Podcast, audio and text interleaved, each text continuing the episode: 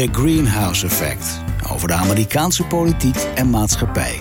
Ik ben Victor Chevalier. Samen met Charles Groenhuizen is dit dus The Greenhouse Effect. Dit is aflevering 52 van The Greenhouse Effect. Neemt de steun uit de Republikeinen voor een impeachment af. Oud-president Donald Trump heeft het Witte Huis dan wel verlaten, maar binnen de Republikeinse partij houdt hij toch nog veel macht in handen. Lloyd Austin is de eerste zwarte Amerikaan die het Pentagon leidt. Mag je de politie in de Verenigde Staten in het algemeen betichten van racisme? President Biden heeft opdracht gegeven om een einde te maken aan de particuliere gevangenissen. Het wagenpark van de overheid wordt vervangen door elektrische varianten. En niet te vergeten, het Chinese Huawei. Want eigenlijk mag van president Biden daar niet veel meer van. En ik vind nog een heel belangrijk thema. President Biden heeft eerst het Coca-Cola Light knopje weggehaald. En nu is hij er weer, geloof ik. Zo, goedendag. We zijn er weer. Hallo daar. Hi. Um, Laten we eerst even met iets heel ouds beginnen nog. Uh, toen, toen Trump wegging, toen nam hij de nucleaire tas mee naar Florida. Heb jij nog wat gehoord over hoe dat is afgelopen? Heeft hij de tas weer ingeleverd of zit hij nu met die rode knop in Florida? Nou ja, ik denk, denk dat er twee exemplaren zijn. Het zijn uiteindelijk zijn het codes. Het heet de, de voetbal. Het is een, mm wat, wat bollige aktentas. En daar zie je altijd eh, een, een, meneer, altijd een meneer, ik weet niet wat precies waarom. Uh, als het in de buurt van de president meelopen, dan zitten er nucleaire codes in. Dus op het moment dat er echt iets moet gebeuren, kan de president daar gebruik van maken en een, nucleaire aanval lanceren. Uh, en ik denk dat ze daar gewoon twee exemplaren van hebben, eerlijk gezegd. Het kan allemaal niet zo'n probleem zijn, lijkt me zo nee. nee. Het, het, we zouden het eigenlijk niet meer hebben over Trump, maar we gaan het natuurlijk wel nog wel eventjes over Trump hebben. Uh, nog even terug in de, in de tijd. Uh, Donald Trump stuurde kort voor zijn vertrek als president aan op eigenlijk een complete oorlog met zijn eigen ministerie van Justitie. Hij overwoog toen die minister te vervangen door iemand die, die, die vol voor hem zou gaan in de aanval tegen de verkiezingsuitslag in Georgia. Zitten daar nou nog consequenties aan vast? Of is het, wordt het een beetje in de loop der tijd vergeten? Nou, ik denk dat die ambtenaar in kwestie, uh, die zich daarmee bemoeid heeft, uh, dat die nog wel eens een flinke douw zou kunnen krijgen. Want dat is absoluut in strijd uh, aan met zijn beroepscode. En misschien is het mm. zelfs openlijk strafbaar wat hij daar gedaan heeft. dus wat, wat, ik er in de Amerikaanse media over lees, maar het is ook alweer een beetje weggezakt hoor. Ja, eigenlijk, zakt, ja, eigenlijk zakt alles wat met Donald Trump te maken heeft uh, als het een beetje tegen zit, ga jij zo meteen weer over het Coca-Cola Light knopje beginnen. Maar... ja, zeker. Dat vind ik een heel interessant onderwerp. Ja, super. Uh, Onze luisteraars wachten erop. Hoe is het? Ja, precies. Ja. Maar um, het, het, het, echt alles rond Donald Trump. Uh, ja, natuurlijk staat hij elke dag nog in de krant. Um, maar het zakt ook wel vrij snel weg. maar goed, daar kunnen we het misschien nog over hebben, over de erfenis van de Donald. Ja, maar nogmaals, je gaat alweer veel te snel daarvan weg. Want we zitten nog steeds met het hele impeachment-proces. Uh, hoe staat het daarmee? Nou ja, dat, dat gaat nu aan de orde komen in de Senaat. Het Huis van Afgevaardigden heeft nu officieel de aanklacht overgedragen naar de Senaat. Uh, eigenlijk is het heel simpel zo dat het Huis van Afgevaardigden, waar de Democraten een flinke meerderheid hebben, uh, is eigenlijk de aanklagende partij. En de Senaat fungeert dan als een soort rechtbank. Uh, Maar mhm. goed, heb je twee derde meerderheid heb je nodig om een president echt te veroordelen en af te zetten. Nou, dat is niet meer relevant, want hij is al weg. Uh, en ook steeds duidelijker wordt, maar dat is ook niet verrassend. Uh, dat die tweederde meerderheid om Trump af te zetten. Te niet alleen impeachment is eigenlijk alleen maar de aanklacht. Hè? Ja. Hij heeft ook twee impeachment achter de rug. Ja, en mensen zeggen: nee, nee, nee, hij is niet veroordeeld. Zeg, nee, dat klopt, maar hij is wel twee keer impeached, aangeklaagd. En de eerste keer is, is, hij, ook, is hij niet veroordeeld. En dat zal nu weer gebeuren omdat steeds duidelijker wordt in de Republikeinse Partij de animo om de intussen ex-president uh, formeel te veroordelen. Mhm. En eigenlijk af te zetten. Nogmaals, het heeft niet zoveel zin meer, maar het is wel een gebaar natuurlijk. Uh, en, dan, en, en de animo daarvoor wordt steeds kleiner. Het was al heel, eh, heel erg klein. En het lijkt erop dat de bulk van de Republikeinen zowel republikeinen in het land uh, als, en dat is relevant natuurlijk, republikeinen in dit geval in de Senaat.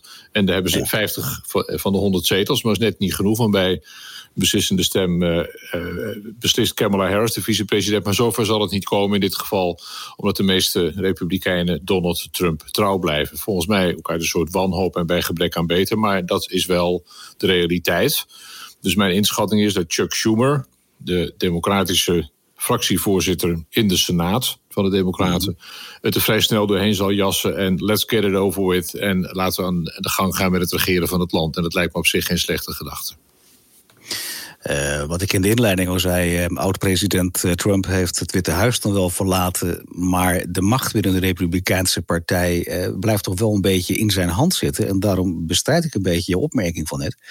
Ehm, twee weken nadat hij zei dat Donald Trump een zekere verantwoordelijkheid draagt voor de bestorming van het Capitool door diens aanhangers, was Kevin McCarthy alweer van gedachten veranderd. de fractieleider van de Republikeinen in het Huis van Afgevaardigden bezocht de ex-president op zijn landgoed, Mar-a-Lago Mhm. in Florida.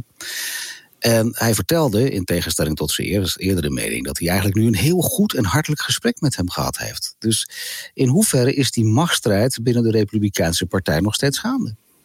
Die is gaande. Eh, en de erfenis van Donald Trump is niet weg. En die gaat ook voorlopig niet weg.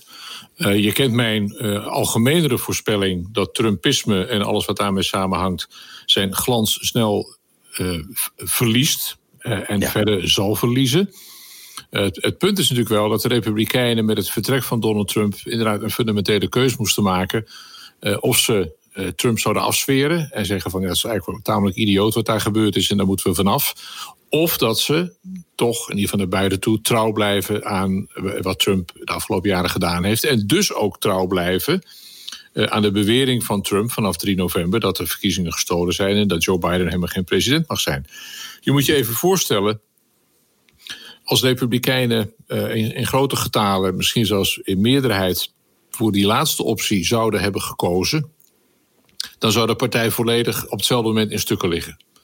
Uh, want dan heb je vier jaar een president gekozen waar je vervolgens een paar maanden na de verkiezingen en, en een paar weken na de inauguratie van uh, de winnende kandidaat, in dit geval democraat Joe Biden, zou je in feite afscheid nemen van alles wat je de afgelopen jaren gedaan hebt. En dat is, ook al zou je dat willen, uh, niet, niet een heel begaanbare weg, omdat je dan ja, totaal voor, voor knettergek staat. Dan sta je voor joker. Ja. Uh, de, de, de, vraag is alleen, en dan kom ik terug bij mijn uh, eerder gedane voorspelling, dat als je wat verder vooruit kijkt en Donald Trump ietsje verder wegzakt in ons collectieve geheugen, eh, als bijvoorbeeld ook zou blijken, maar dat weten we op dit moment nog niet, dat Joe Biden in een aantal opzichten een redelijk succesvolle president is. En dat kan. Hij doet volgens mij tot nu toe wel de slimme dingen. Niet dat hij Republikeinen heel erg zal overtuigen. Maar als hij geen idiote blunders begaat ook, of eh, de, de economie geweldig tegenvalt, dan denk ik. Uh, dat naarmate ook de midterm elections van november 2022, en dat is eigenlijk al sneller dan je denkt, want het is al volgend jaar, hè, 2022. Uh, als die verkiezingen dichterbij komen en uit de peilingen zou blijken, en ik zou me niet verbazen als die peilingen in die richting gaan, namelijk een tamelijk dramatisch verlies opnieuw voor de Republikeinen. En dan gaan toch een aantal jongens en meisjes in die partij wel hun politieke knopen tellen. En dan zou het beeld van wat we nu zien, met de verbleekte uh, intussen verbleekte herinnering aan Donald Trump. Uh, slechte opiniepeilingen, uh, de, de, sfeer in het land en waarschijnlijk een opgekrabbelde economie. Sterker nog, een aantal economen voorspellen een enorme economische boom op het moment dat het coronavaccin echt zijn werk gaat doen en we allemaal weer een beetje normaal kunnen gaan doen in het dagelijks ja. leven en ook in het zakelijk leven. Ja, mm -hmm. dat dan de situatie voor die republikeinen heel erg veel slechter wordt. En dan de aandrang om wel afscheid te nemen van de Trump-erfenis wel steeds groter wordt. En volgens mij is dat het scenario wat zich gaat ontrollen. En ik laat me graag corrigeren als jij over een jaar tegen mij zegt van... weet je nog, Charles, wat je een jaar geleden zei? Dat heb je helemaal ja. fout. Als dat zo is, gaan we het er tegen die tijd over hebben. Kan ik heel intelligent uitleggen waarom ik ongelijk had. Maar voorlopig hou ik aan de nu genoemde voorspelling vast, uh, meneer Chevalier. Ik vind hem helemaal mooi zo. Ik vind hem helemaal mooi. Uh, Lloyd Austin is de nieuwe minister van Defensie. Ja. Hij komt uit het zuiden. En is eigenlijk de eerste gekleurde Amerikaan die het Pentagon leidt. Ja. Um, is dat een signaal op een of andere manier? Ja, ja, ja. We hebben natuurlijk wel eerder prominente mensen in het kabinet gehad. En denk, mm. De eerste zwarte minister van Buitenlandse Zaken, Colin Powell, een aantal jaren geleden onder George ja. W. Bush. Ja. Uh, die was daarvoor was die al een, heel, heel hoog onder Ronald Reagan. En tot op de dag van vandaag uh, een, hele prominente republikein. Alleen niet meer in de Republikeinse Partij van 2020 en 2021, maar een beetje in de Republikeinse Partij van 2000. Hij is ook uit de gratie gevallen en stemt ook niet meer. Maar wat, zoals Colin Powell toen een symbool was, is nu deze. Eerste zwarte minister van Defensie. Ja, dat is een symbool zoals eigenlijk het hele kabinet eh, van president Biden vol zit met symbolische benoemingen. Je doet verder niks af van de capaciteiten van de mensen die benoemd zijn. De eerste transgender, een flink aantal vrouwen. Ongeveer de helft van het kabinet is non-white, zoals het in de Amerikaanse termen heeft. Dus het is, is gekleurd, zeg ik maar even simpel. Het is altijd gevoelig om die woorden te gebruiken, maar zo heet het ook letterlijk in, in de Amerikaanse terminologie. En ja, mhm. dat, dat zijn stuk voor stuk zijn dat natuurlijk symbolen van een nieuwe, andere tijd. Je noemde in je inleiding ook al even iets over klimaat. Ja, dat zijn allemaal, allemaal van die dingen uh, die, die ja, symbool staan voor in ieder geval de wens, de ambitie van Biden en de Democraten om echt schoon schip te maken, echt een ander beleid op weg naar een ander land. Het is interessant als je terugkijkt naar de campagne. Hoorden we de Republikeinen met Donald Trump voorop vaak zeggen: Nou, als die verschrikkelijke democraten, die socialisten, communisten uh, winnen, that will be the end of the country as we know it. We hebben dat hier ook wel eens mm. besproken in deze podcast. en daar hebben ze gelijk in. Want als de Democraten hun zin krijgen, en dan hoef je niet heel erg aan de radicale linkse Democraten noodzakelijk te denken, de Alexandria Ocasio-Cortez-achtige types, maar gewoon mainstream Democraten willen in veel opzichten echt een ander land. Daar staat dan gelijkheid, klimaat, eh, gezondheidszorg, infrastructuur. Dus ja, Biden zou op weg kunnen zijn naar de end of the country as we know it. Maar dan niet in de radicale communistische, socialistische richting, maar gewoon een land. Vorm, ja. Een land wat een beetje beter let op zijn onderdanen en ook op de onderdanen die het wat minder goed getroffen hebben in het leven. Ja. Nu, nu komen we natuurlijk uit een heel turbulent jaar, 2020, eh, met meneer Floyd, die overleden is. Eh, vermoord, mag je bijna zeggen, door de politie. Eh, Black Lives Matter. Zou je hem mogen stellen, hè, als we daar een beetje resumerend naar kijken naar het jaar 2020, dat de politie in het algemeen in de Verenigde Staten toch wel racistisch is? Of vind je dat te ver gaan? Ik vind dat te ver gaan. En dat klinkt misschien gek. En misschien worden mensen er spontaan heel boos over als ik dat zeg. Uh, maar ik ben een van degenen die altijd de crime statistics van de FBI en andere rapporten uh, nauwkeurig volgt. Omdat dat zoveel zegt over hoe misdaad in Amerika echt in elkaar zit. Uh, even de, de, de, geschiedenis die nu zo relevant is. We weten allemaal George Floyd, op gruwelijke manier om het leven gekomen daar in Minneapolis. Omdat een agent uh, acht minuten zoveel met die knie in zijn nek zat. En uiteindelijk heeft die George Floyd dat niet overleefd. En alle uh, demonstraties enzovoort daarna. Gruwelijk, geen misverstand. Dat was naar mijn oordeel, als je er ook naar kijkt en ook wat er later over verklaard is vond ik een racistische moord. Geen twijfel over mogelijk.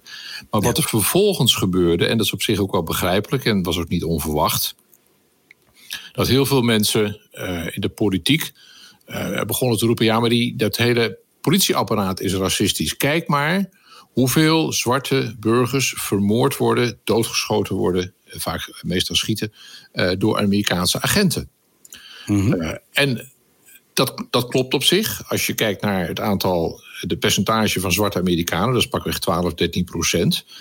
Uh, het aantal doden uh, onder de groep burgers die jaarlijks door de politie worden doodgeschoten bij confrontaties, ligt dat percentage aanzienlijk hoger. Uh, zeker het dubbele, zo ja. niet meer. en de conclusie was dus heel snel van zie je wel, zwarte Amerikanen hebben een grotere kans om door de politie doodgeschoten te worden dan blanken. Even voor het begrip, het zijn er ongeveer duizend per jaar. Hè? Dat is niet niks. Je praat niet over een klein wat. Het zijn ongeveer duizend Amerikanen worden per jaar door de politie doodgeschoten. In de meeste gevallen zijn het overigens degenen die worden doodgeschoten... waren op dat moment gewapend. In allerlei, eh, eh, eh, hoe dan ook bewapend. Maar die statistiek die ook in de nasleep van George Floyd veel gebruikt wordt... die klopt naar mijn oordeel niet.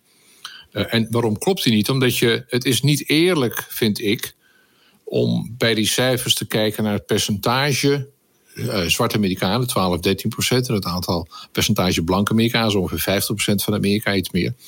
Uh, je moet kijken naar mijn oordeel, hoeveel of hoe vaak komen zwarte en blanke Amerikanen in aanraking met de politie. Met andere woorden, hoe vaak lopen blanke of zwarte Amerikanen het risico dat ze bij een confrontatie met de politie het slachtoffer worden van een politiekogel.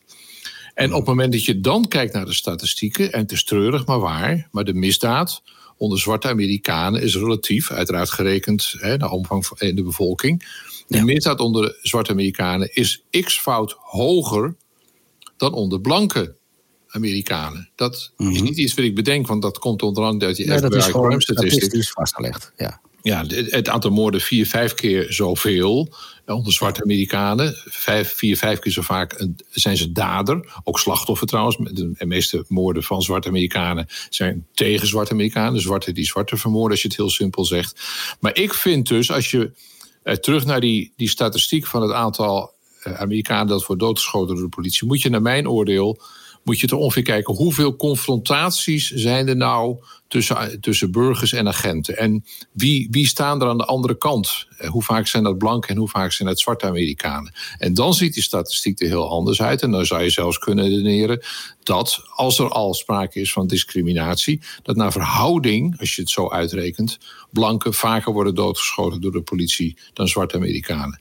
Eh, als ik, ik heb het wel eens in een zaal gezegd. Daar worden een paar mensen altijd eh, heel kwaad.